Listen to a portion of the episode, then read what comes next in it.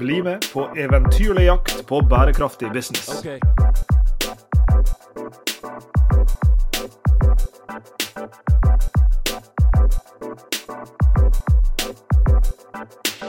I denne episoden av Bærekraftseventyr Sveinung, så skal vi gjøre som vår gamle helt uh, onkel Reisende Mac ville gjort. Uh, vi skal sende et slags reisebrev, men uh, ikke et reisebrev for reisebrevets skyld. Men rett og slett så har vi tilbrakt ei uke i Berlin der vi fikk oppleve hvor mye bærekraft du kan dytte inn i ei uke.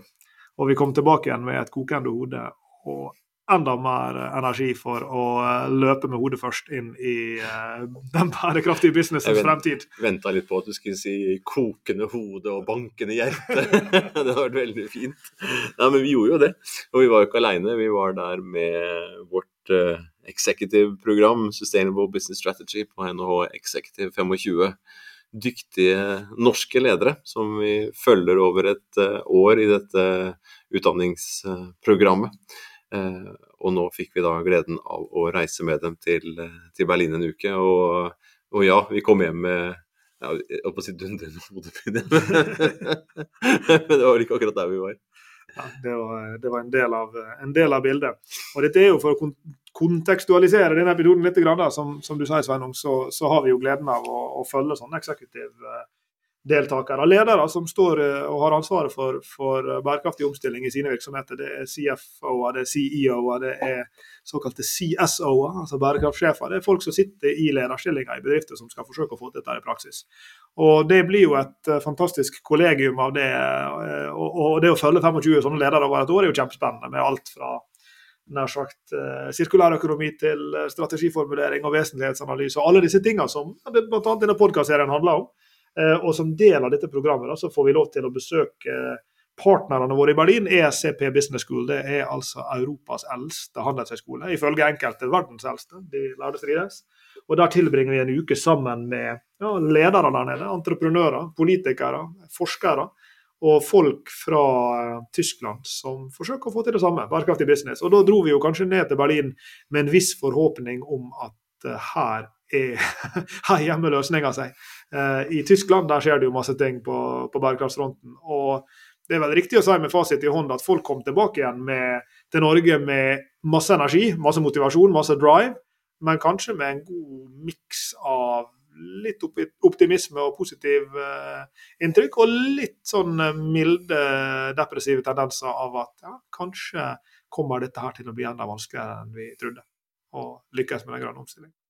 Det var begge deler, ikke sant. Der. Vi eh, snakka med stort energiselskap om energiproblematikken, og da kom man jo over på, på, på Russland og gass og, og, olje ganske kjapt. Og, og man kommer over i problemer eh, og utfordringer knytta til det å investere i fornybar energi. Mm. Eh, og den industrien som må til hvis dette her skal bli mulig. Eh, så, så, så, det er liksom litt sånn, åh, litt sånn tyngende, for man, vi har jo håpet og, og, og tenkt en stund liksom at, eh, at, Tyskland og EU eh, skulle være motoren. I Norge så snakker vi om EUs taksonomi, som endelig mener mange da har kommet inn eh, som noe som skal hjelpe oss å få litt bevegelse i den retninga. Så kommer vi til, til kjernen, kjernen, da, altså Tyskland som motor her, som begynner å snakke om ja, litt Eh, pro problemer eh, i, i relasjon til, til, Frankrike. og mm. Skal ikke lese mye historie før man skjønner at liksom Frankrike og Tyskland, et godt samarbeid der, det er, er viktig. Eh, og Så kommer man til et næringsliv som på mange måter har motsatt seg endring. altså Går rundt i Berlins gater, så, så er det få elbiler å se, mm. f.eks.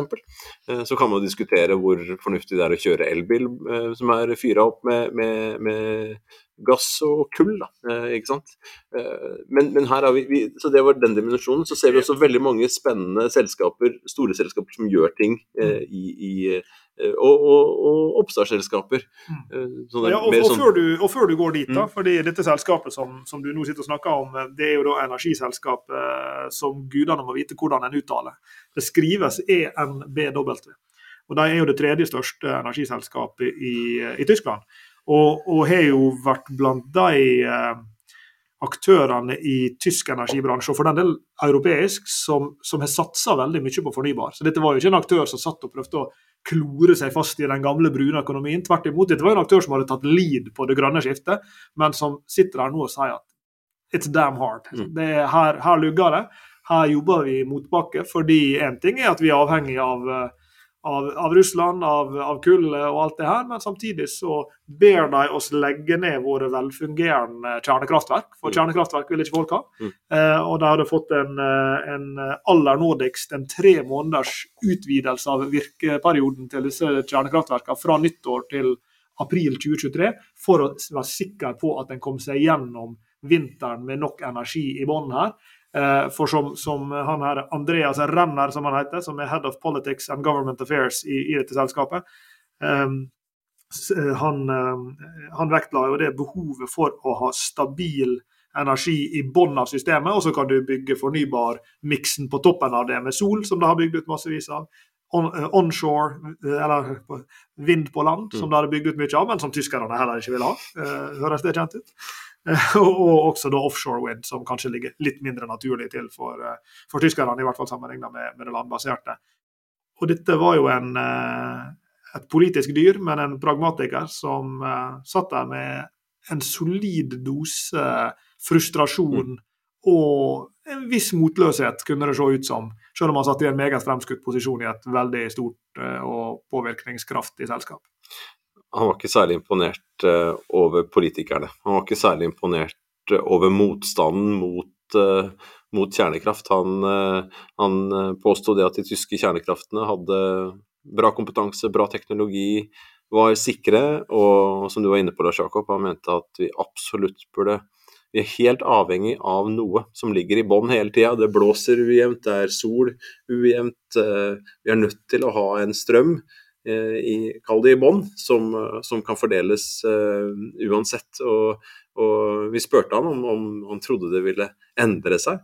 Uh, men motstanden er så sterk, uh, og litt sånn ironisk sett da, så er man liksom mer for gass og kull enn man er for, for atom, atomkraft. hele den der gass- og kull-problematikken, hvor de samtidig har forpliktet seg til å nå noen eh, klimamål. De er nødt til å redusere det. Mm. Og så er de så løst, låst, ikke løst, de er så låst i, i den, eh, den, produksjonsmåten at de kommer seg ikke ut av det. Og takk og lov, sa Andreas Renner. Takk og lov for Habek-været. Mm. Og, Habeck, og Habek heter han Robert Habek, tror jeg, som er en av ministrene i, i den nåværende eh, regjeringa. Han er for, for, Economic Affairs and Climate Action, faktisk. En kombinert finans- og klimapost i regjeringa. Eh, Habek han er da gitt navn til det været som en opplever i Tyskland nå, nemlig da varmt eh, høstvær. For når vi kom til Berlin i starten av november, så ja, jeg hadde på meg boblejakke. Det hadde jeg ikke trengt, for det var 19 grader. Og, og dette Habek-været som de da eh, henviser til, det Eh, er jo da det varme høst- og vinterværet som eh, Robert Habek og mange med han er glad for at en har nå, paradoksalt nok. For det er jo eh, det, det, det vitner gjerne om noe annet, dette varme været. Men hvis det er bare varmt gjennom denne vinteren så kanskje vi skal klare å komme oss gjennom uten energirasjonering. Var jo da Habeck sin posisjon. Så det er jo kanskje også en litt sånn ironisk refleksjon da, av utfordringene vi står i, i et forsøk på et grønt skifte mot mer fornybar men hvor bremseklossene er minst like mange som gasspedalene.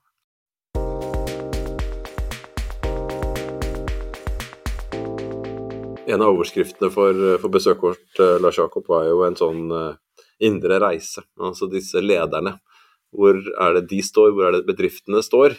Uh, hva er det de selv kan ta tak i, og hvordan er det de ønsker å, å arbeide fremover. Så dette her var bærende gjennom hele uka med ulike gjester som vi hadde, og også når vi var og besøkte ulike bedrifter, så hadde våre venner på ESEP rett og slett preppa bedriftene på å kjøre litt sånne workshops. Så uansett hva som ble tatt opp, om det var eh, en spennende forretningsmodell, eh, Share, som da selger eh, varer i, i, ordinære butikker, vann og energibarer og, og, den type produkter. Og de, for hver, hvert produkt de selger, så gir de bort da mat til folk som, eh, som trenger det. Dette er jo et eh, Berlin-basert eh, selskap som også har forgreininger utover i Europa.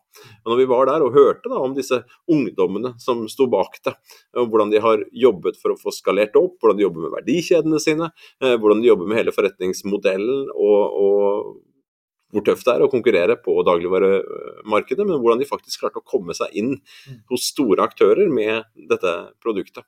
Så, så selv de tok jo en runde med, med oss og, og, deltakerne våre. Ok, hvor er det dere står hen, og hvor er det dere skal uh, gå hen? Og det er jo litt spennende opp mot, uh, mot dette ressurs... Uh, da vi begynte med, med, med energiselskapet. for gjennomgående gjennom hele uka så fikk vi jo høre utfordringer på energimarkedet, utfordringer i verdikjeden, eh, hvordan folk har det. Eh, menneskerettigheter eh, i hele verdikjeden. Hvordan folk opplever dagen i dag med energikrise, inflasjon. Så ligger det på en måte ikke, ja, det ligger som et bakteppe rundt det hele. Og i den der personlige reisen jeg synes det var veldig interessant der å, å, være en del av sjøl, for vi også fikk lov til å reflektere uh, underveis. Men de også høre på deltakerne våre. Uh, de tankene de hadde i forkant, underveis og etterpå. Når man ser da at nei, Tyskland og EU kommer ikke til å gjøre dette her for oss. altså vi, vi, er også nødt til å bidra. Uh, enkeltledere, men også da de bedriftene disse lederne jobber i.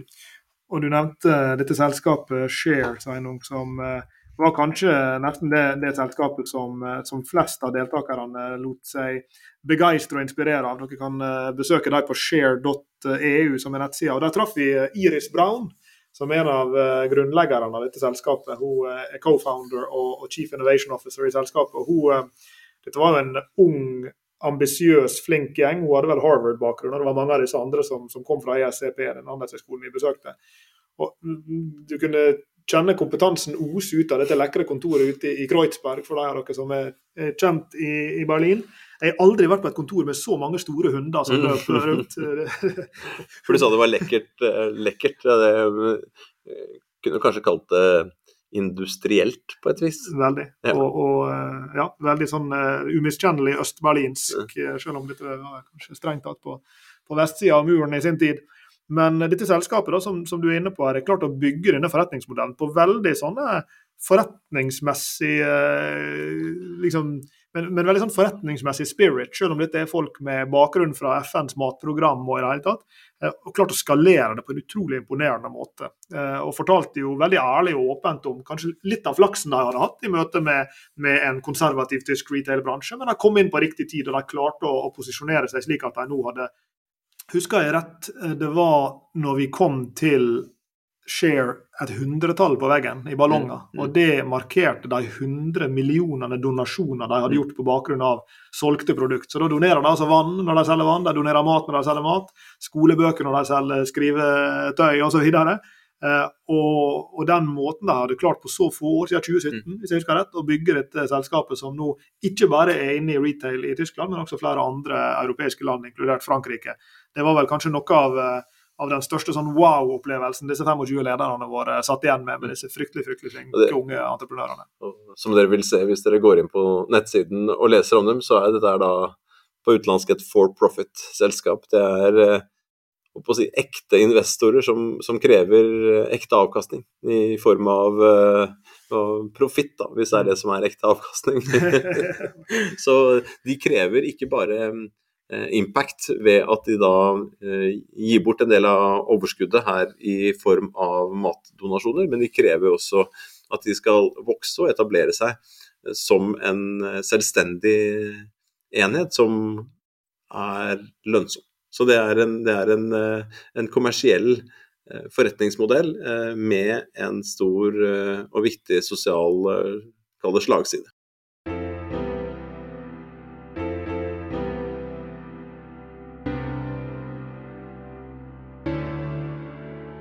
Jeg må benytte et lite øyeblikk her til å be om unnskyldning til eh, flere av våre lyttere som eh, har bedt oss om, og som vi har lovt, å lage ikke bare én, men flere episoder om eh, den norske åpenhetsloven. Så vi har snakka om mange ganger i denne, denne serien. Og jeg, jeg, nevner det her nå fordi vi ble jo litt tatt på senga Sveinung, når vi kom ned til Berlin. For en av folka vi møtte der nede, han heter Torsten Gerhardt. Og han er associate director for både employment practices, altså hvordan folk har det på jobben, eh, enkelt sagt, og human rights, altså med andre ord hvordan menneskerettigheter blir ivaretatt i den eh, svært komplekse og globale verdikjeden til Coca-Cola.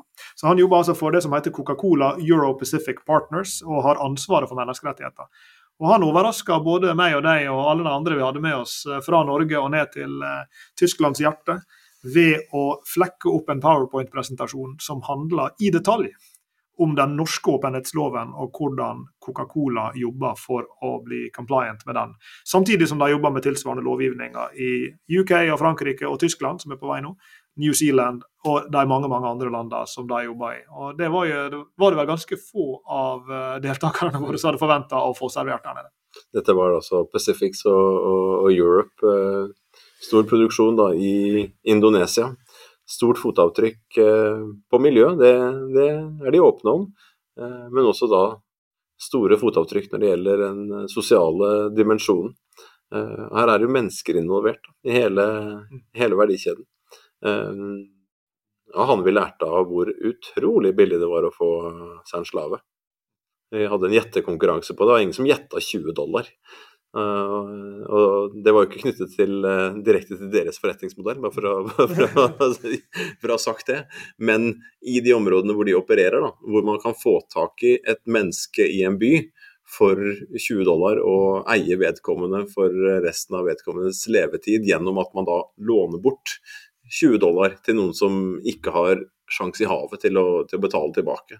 Så det de da gjør, er å ta denne personen og dens familie vekk fra det området hvor de bor, eh, ut til Det kan være jordbruk, jordbruksområder, det kan være fabrikker av andre slag, eh, og hvor da også denne virksomheten står for boligen som da disse folka også må betale for. Eh, og De har underskrevet avtaler som gjør at det er umulig for for disse folka å komme seg ut av det. Eh, og her opererer de. De opererer den, innenfor den virkeligheten og vil unngå eh, denne type eh, ja, utfordringer eller situasjoner, problemer. Det er noe, det, det er ikke noe, det er ikke noe enkelt. Altså sånn der, Hvordan sørge for at leverandørens leverandør sine leverandører ikke har Enten dette er jo sånn ekstremtilfelle med, med slaveri, men fra slaveri til et uh, på engelsk decent uh, arbeidsforhold, forhold, det, det, er jo en lang vei mellom de to. Og det sitter sikkert lyttere på en bærekraftspodkast som syns at Coca-Cola ikke er noe særlig. Og det sitter sikkert folk her som syns at Coca-Cola er helt all right. Men, men det som vi uansett kan, kan være enige om er at Coca-Cola har noen store utfordringer. Vi har jo truffet ledere i dette selskapet før som bl.a. jobber med Net Zero-prosjektet mm. der, og nå altså han som jobber med, med Human Rights. Jeg tror, jeg tror, nok at jeg snakker på vegne av deltakerne når, når, alle som satt der ble imponert over både engasjementet og hvor alvorlig denne personen som har jobba i 20 år med, med, å håndtere disse krevende menneskerettighetsutfordringene, eh, jobber med dette. Og, og, ikke minst også når en av deltakerne veldig betimelig utfordrer ham på ja, hva med Qatar-VM, mm. hvor eh, Coca-Cola er, er, en av hovedsponsorene dette VM-et som sparkes i gang eh, om bare et, et, par dager nå når dette spilles inn, eh, så vet vi jo at menneskerettighetsbruddene har vært svært omfattende og, og, og, og svært dramatiske. Og, han svarte veldig godt for seg, på en åpen og, undrende måte, vil jeg si. Han eh, gikk vel langt i å antyde at han sikkert ikke ville signert den kontrakten hvis det var han som ble spurt om å inngå den, men, men, han belyste det fra begge sider. De kall det positive utviklingstrekkene som de ser i disse veldig veldig krevende markedene som de opererer i, eh, men også alle de tingene som går altfor sakte, alle de tingene som fortsatt er håpløse. Og er det ett område av bærekraftsagendaen som, eh, hvor vi virkelig trenger mer kraft, så er jo det på menneskerettighetsfronten. Og der eh, kommer jo heldigvis da, i det minste alle disse lovgivningene som vi ser at store globale aktører tar på alvor når de rulles ut av et lovkontor i Norge, og i alle disse andre landene som prøver å få bukt med dette krevende problemet. Argumentasjonen hans minnet jo veldig om måten investorer argumenterer på, helt opp til, eh, til våre til oljefondet. Skal vi være eier, eller skal vi ikke være eier? Skal vi være eier i bedrifter som har ulike utfordringer, og tenke at ved at vi er der, så kan vi påvirke eh, positivt? Eh, vi sitter og snakker om, eh, om, Berlin, Lars Jakob, men etter Berlin, og det er jo ikke lenge siden vi var der, så har vi møtt mye andre spennende folk òg. Vært i Nord-Norge, på Agenda Nord-Norge. Hørt på Nicolai Tangen i oljefondet, men han jeg satt og tenkte på nå. Med den rollen og på sin egen podkast, hvor han sitter og diskuterer med CEO-en i Harley Davidson og sier at ja, vi, vi er jo kritiske til eh, din lønnspakke ved forrige generalforsamling. Vi stemte jo mot. Hva syns du om eiere som oss? Så spørsmålet er skal man da eie i det selskapet, eller skal man være der og forsøke å påvirke? Og Det var deres argumentasjon opp mot eh, Qatar, at de vil være der og forsøke å påvirke. Så kan man absolutt eh, diskutere om om, eh, om, om, det er riktig eller ei. Det er interessant å se nå når man har kommet hjem etterpå og kan lese i avisen det at både Coca-Cola og Hundai, hvis jeg ikke tar helt feil, de er jo hovedsponsorer til, til eh, VM. Men i Norge og andre land hvor det er en viss eh, kritikk mot arrangementet og regimet bak, så velger de ikke å kjøre kampanjer knytta til det. Så her mm. kjøres det vanlige julekampanjer eller vanlige salgskampanjer, men ikke da knytta til, til, VM.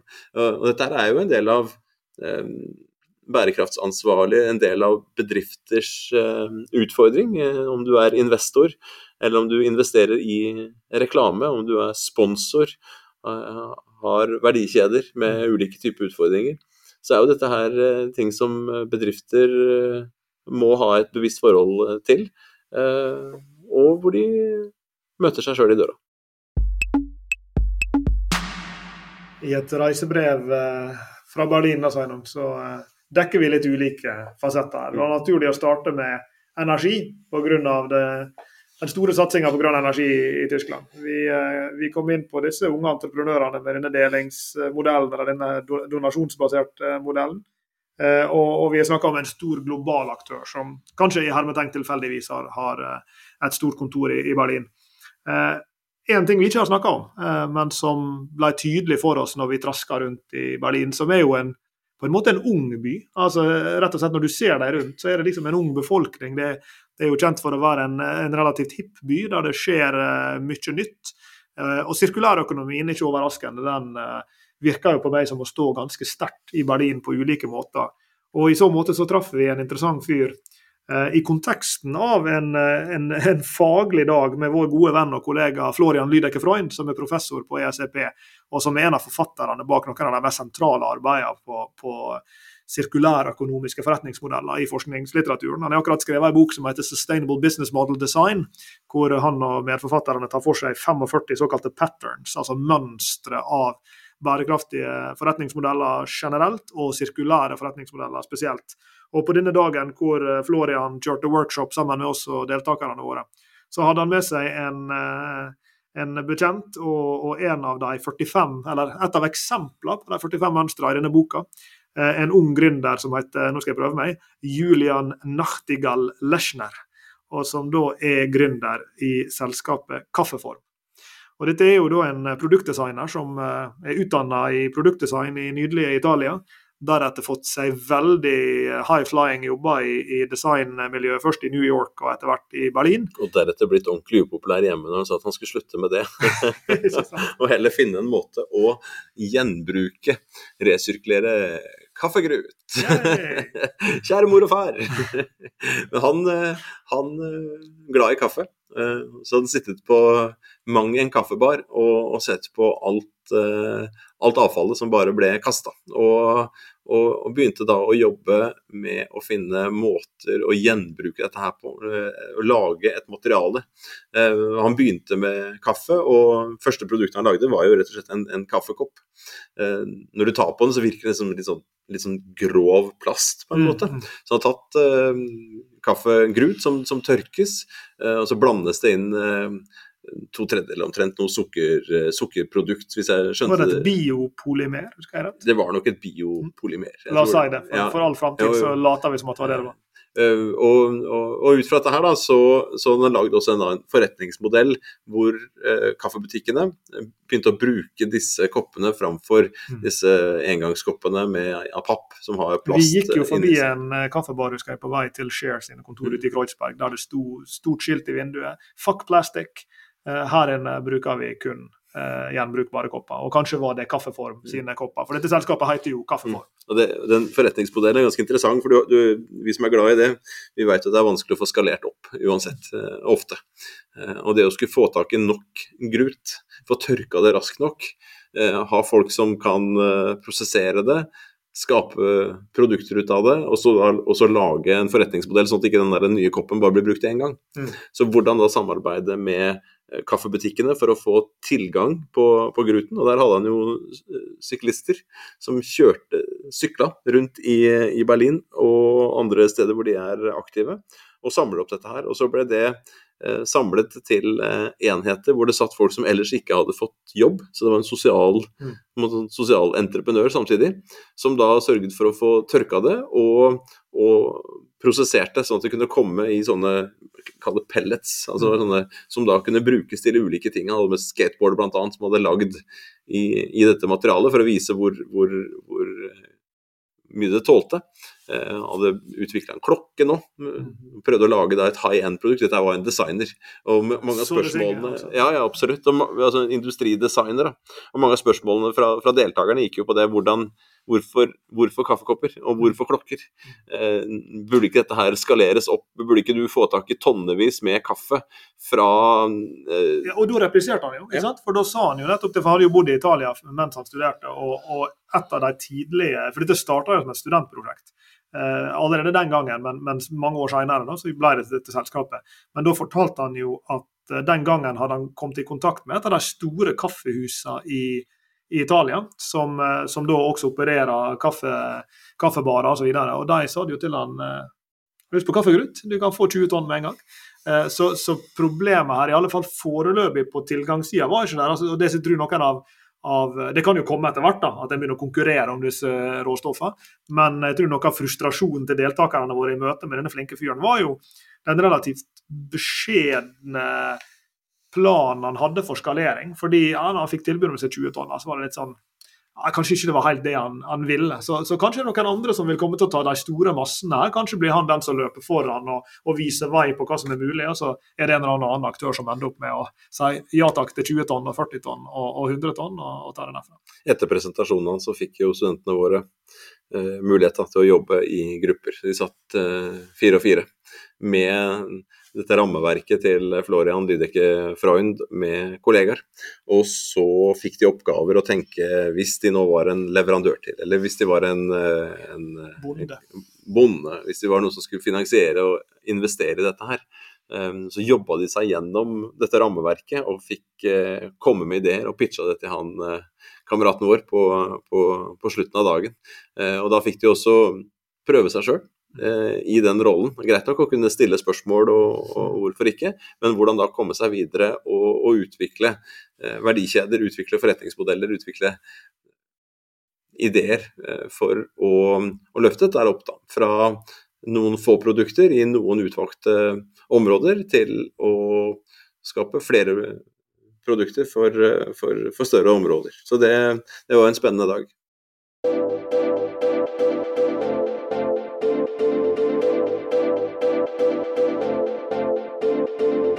Skal slå sammen den siste eh, beretninga fra vårt lille reisebrev i Berlin eh, i, i, til én, for det er egentlig i to deler. For når vi kom til Berlin på første dagen, så møtte vi ei dame som heter Joanna Breidenbach. Og på den siste dagen før vi dro, så møtte vi faktisk mannen hennes, som heter Stefan Breidenbach. Han er professor i, i juss, mens uh, Joanna er, er sånn kulturell antropolog.